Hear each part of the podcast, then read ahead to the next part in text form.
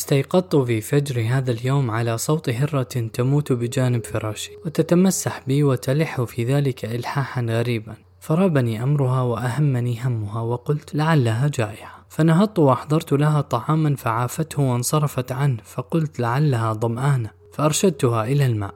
فلم تحفل به وأنشأت تنظر إلي نظرات تنطق بما تشتمل عليه نفسها من الآلام والأحزان فأثر في نفسي منظرها تأثيرا شديدا. حتى تمنيت أن لو كنت سليمان أفهم لغة الحيوان لأعرف حاجتها وأفرج كربتها. وكان باب الغرفة مقفلا فرأيت أنها تطين النظر إليه وتتلصق بي كلما رأتني أتجه إليه فأدركت غرضها. وعرفت أنها تريد أن أفتح لها الباب فأسرعت بفتحه فما وقع نظرها على الفضاء ورأت وجه السماء حتى استحالت حالتها من حزن وهم إلى غبطة وسرور وانطلقت تعدو في سبيلها فعدت إلى فراشي وأسلمت رأسي إلى يدي وأنشأت أفكر في أمر هذه الهرة. وأعجب لشأنها وأقول ليت شعري هل تفهم الهرة معنى الحرية؟ فهي تحزن لفقدانها وتفرح بلقياها.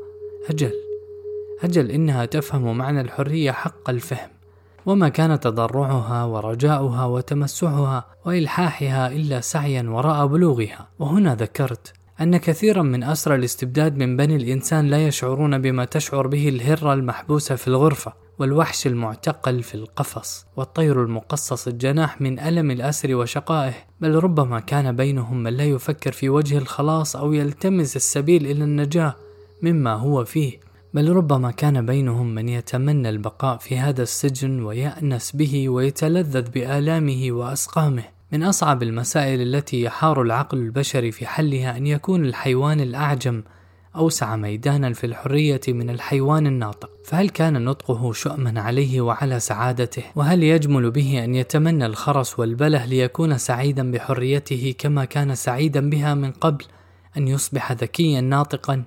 يحلق الطير في الجو ويسبح السمك في البحر ويهيم الوحش في الأودية والجبال ويعيش الإنسان رهين المحبسين محبس نفسه ومحبس حكومته من المهد إلى اللحد. صنع الإنسان القوي للإنسان الضعيف سلاسل وأغلالا وسماها تارة ناموسا وأخرى قانونا ليظلمه باسم العدل ويسلب منه جوهرة حريته باسم الناموس والنظام صنع له هذه الآلة المخيفة وتركه قلقا حذرا مروع القلب مرتعد الفرائص يقيم من نفسه على نفسه حراسا تراقب حركات يديه وخطوات رجليه وفلتات لسانه وخطرات وهمه وخياله لينجو من عقاب المستبد ويتخلص من تعذيبه فويل له ما أكثر جهله وويح له ما أشد حمقه وهل يوجد في الدنيا عذاب أكبر من عذاب الذي يعالجه أو سجن أضيق من السجن الذي هو فيه؟ ليست جناية المستبد على أسيره أنه سلبه حريته بل جنايته الكبرى عليه أنه أفسد عليه وجدانه.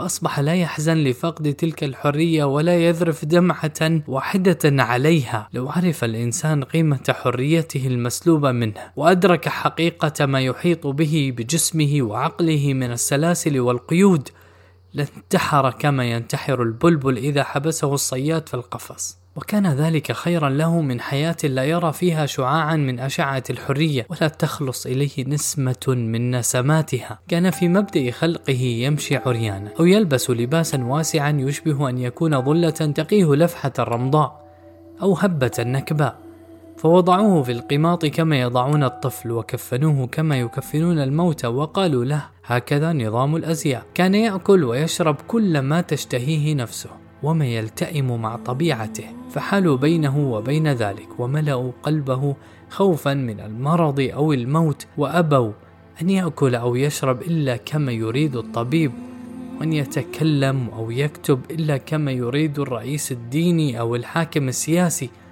وأن يقوم أو يقعد أو يمشي أو يقف أو يتحرك أو يسكن إلا كما تقضي به قوانين العادات وتقاليدها.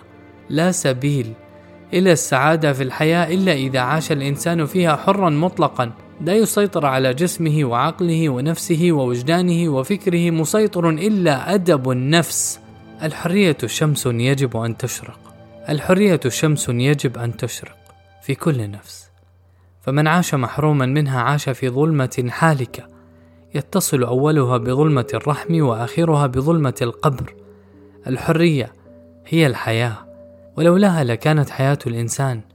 أشبه شيء بحياة اللعب المتحركة في أيدي الأطفال بحركات صناعية ليست الحرية في تاريخ الإنسان حادثا جديدا أو طارئا غريبا وإنما هي فطرته التي فطر عليها مذ كان وحشا يتسلق الصخور. ويتعلق بأغصان الأشجار. إن الإنسان الذي يمد يده لطلب الحرية ليس بمتسول ولا مستجدي وإنما هو يطلب حقا من حقوقه التي سلبته إياها المطامع البشرية.